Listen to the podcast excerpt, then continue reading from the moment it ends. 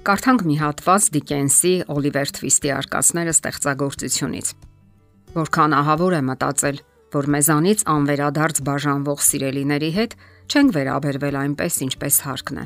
որ նրանց հանդեպ մեր ունեցած պարտականությունների մեջ թերացել ենք, որ վիրավորել ենք նրանց, երբ կարող էինք սփոփել ու ամոքել նրանց ցավերը։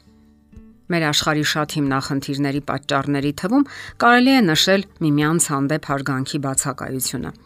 Ցանկացած տեսակի հարաբերություն պահանջում է հարգանք դիմացինի հանդեպ։ Այդ նույնը վերաբերում է երիտասարդական հարաբերություններին։ Շատ հարաբերություններ անհաջողության են մատնվում հենց այս պատճառով։ Թվում է պատճառը հայտնի չէ, սակայն խորքային ուսումնասիրությունների արդյունքում բազմաթիվ պատճառների թվում մասնագետները նշում են նաև միմյանց հանդեպ հարգանքի բացակայությունը։ Թե տղամարդը, թե կինը լիակատար իրավունք ունեն հարգանք սпасելու դիմացինից։ Իսկ ընդհանրապես, ինչպես կարելի է հասկանալ այս բոլորը։ Ինչպես չափել հարգանքի աստիճանը։ Պատասխանը միանշանակ է՝ բարերով եւ արարքներով։ Բարերն իրենց մեջ կամ հարգանք, կամ անտարբերություն ու անփութություն են պարունակում։ Բարերը կարող են եւ ողքեվորել ու կառուցել, կարող են ընդհանրապես խորտակել հարաբերությունները։ Փորձեք նկատել, երբ դուք զրուցում եք, ձեր ձայնի մեջ կա հարգանք։ Ինչպիսին է ձեր տոնը։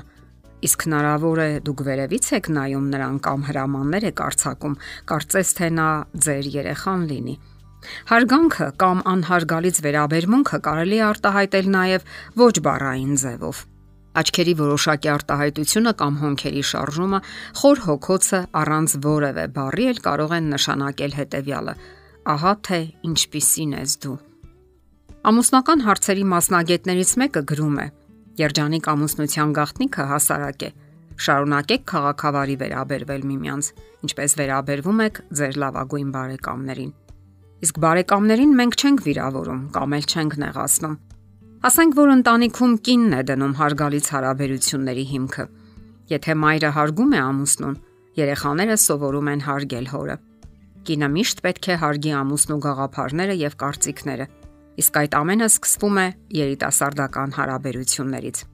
Անհարգալից վերաբերմունքը շատ վատ է, սակայն առավել վատ է, եթե դրսևորվում է այլ մարդկանց ներկայությամբ։ Պետք չէ նաև խնամակալական վերաբերմունք դրսևորել տղամարդու հանդեպ, կարծես թե նա փոքր երեխա լինի։ Անկարևոր չեն նաև արտահայտությունները։ Ուշադրություն դարձրեք ձեր բոլոր արտահայտություններին։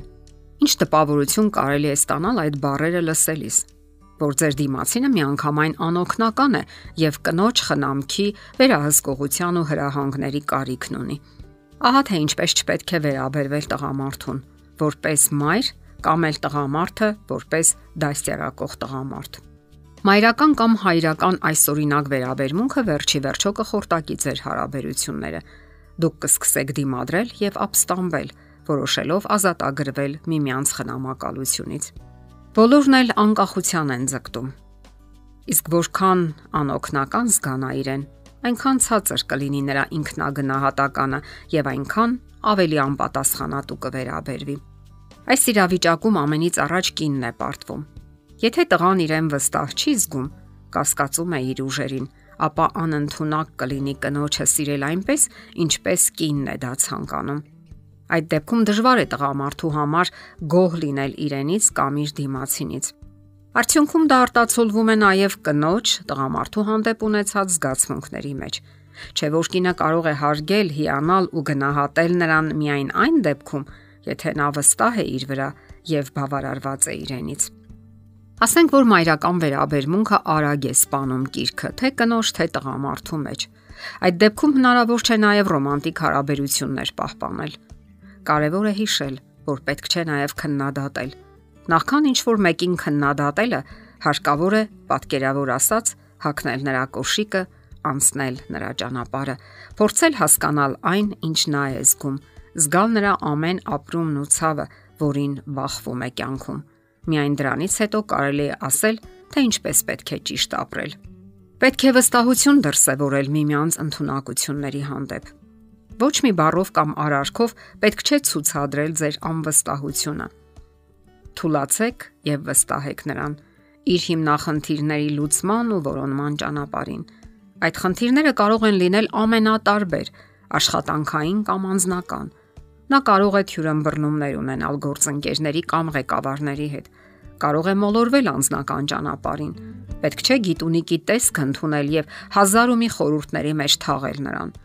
Վստահությունը անկերոջ հանդեպ վաղ թե ուշ կվերածվի հարգանքի, նաև ամուր հաստատուն ինքնագնահատականի։ Հնարավորություն ընձեռեք միմյանց ապացուցելու ձեր թե տղամարդկային ուժը եւ թե կանացի համբերատարությունն ու խորագիտությունը, լավատեղյակությունը այս կամ այն բնագավառում։ Իսկ դա հենց ձեզ կտա հուզական այն անվտանգությունը, որի կարիքը մենք բոլորս ունենք։ Հիշեք, որ հասարակական կյանքում երիտասարդ տղաները նույնպես պայքարում են իրենց դիրքի եւ հեղինակության համար։ Իսկ դուք կարող եք լինել նրա, եթե ոչ պահապան հրեշտակը, ապա մեկը, որի գնահատականն ու վստահությունը իր հանդեպ ուժի ու ներշնչանքի աղբյուր կհանդիսանան նրա համար։ Ուսումնասիրելով շատ երիտասարդական հարաբերությունների ընթացքն ու զարգացումը, նույնիսկ արդեն ամուսնացած զույգերի կյանքը մենք հենց դա էլ նկատում ենք։ Դե ինչ հարգելի երիտասարդներ,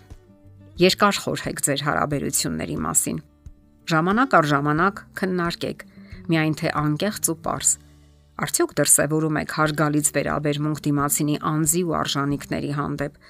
Չէ՞ որ յուրաքանչյուր երիտասարդ իսկապես արժանի է դրան։ Եթերում է ճանապարհ երկուսով հաղորդաշարը։ Ձեզ հետ է Գեղեցիկ Մարտիրոսյանը։ Հարցերի եւ առաջարկությունների համար զանգահարել 033 87 87 87 հեռախոսահամարով։